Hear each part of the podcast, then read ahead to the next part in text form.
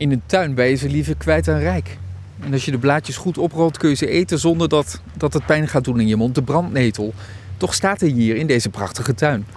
Ja, we hebben drie ovalen vol met brandnetels. Het is misschien een zeer verrassende, maar extreem belangrijke vlinderplant.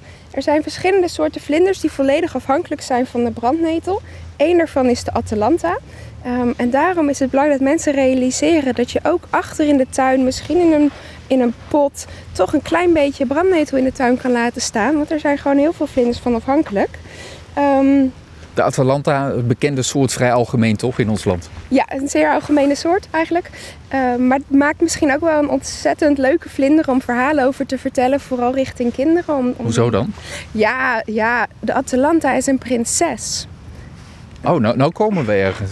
Ja, het is een, uh, de Atalanta is een uh, Griekse prinses die door haar vader werd uitgehuwelijkt en daar had zij geen zin in.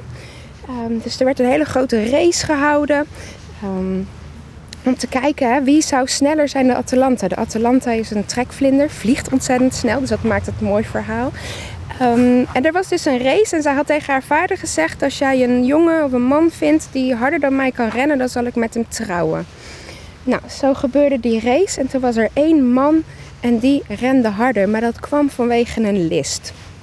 Hij had een uh, tovervee uitgenodigd om te vragen hoe kan ik nou met Atalanta trouwen. En die zei je moet een gouden appel neerleggen. En Atalanta die hield van gouden dingen. Dus die stopte om die gouden appel op te pakken. En hij kon haar voorbij rennen. En zo zouden ze moeten gaan trouwen. Maar Atalanta had er absoluut geen zin in. Dus wat deed zij? Zij rende in het bos in. En zij verstopte zich achter de brandnetelstruiken. En hij kon haar niet meer vinden. Nou, wat bleek nou? Die tovervee, die vond dat Atalanta zich aan haar woord had moeten houden. En die had haar veranderd in een rups. Zo'n Atalanta-rups is heel stekelig en doornig, heel lelijk eigenlijk. um, en achteraf vond zij dat toch best wel zielig en zij had gezegd: Nou, aan het einde van jouw leven mag jij uitgroeien tot een mooie vlinder en mag jij gaan vliegen. Nou, zo geschiedde. En die Atalanta-vlinder die kuste vervolgens toch die jongen. En die jongen die ging naar de vee en die zei: Nou, ik mis haar zo. En ik denk dat ik een teken heb gekregen van die vlinder. Zou ze ergens in de buurt zijn? Waarop die vee zei: Nou, vooruit, ja, ik heb haar voor straf uh, omgetoverd tot een vlinder. En jij mag ook een vlinder zijn als je wil. En zo is die mythe dat die Atalanta-vlinder en de brandnetel bij elkaar horen, bij elkaar blijven en altijd heen en weer vliegen tussen ja, land en stad en naar het bos. En dat maakt dan het mooie verhaal dat het een trekvlinder is. Wat een fantastisch verhaal over een vlinder. Dat verwacht je niet, hè? De Atalanta, die roestbruinige vlinder is het toch qua kleur? Ja, daar is misschien ook wel nog een mooi verhaal over te vertellen. Prinses Atalanta had mooi zwart haar. Dus het is een mooie zwartige vlinder. Met roze rode wangetjes. Dus er zitten roze rode wangetjes in.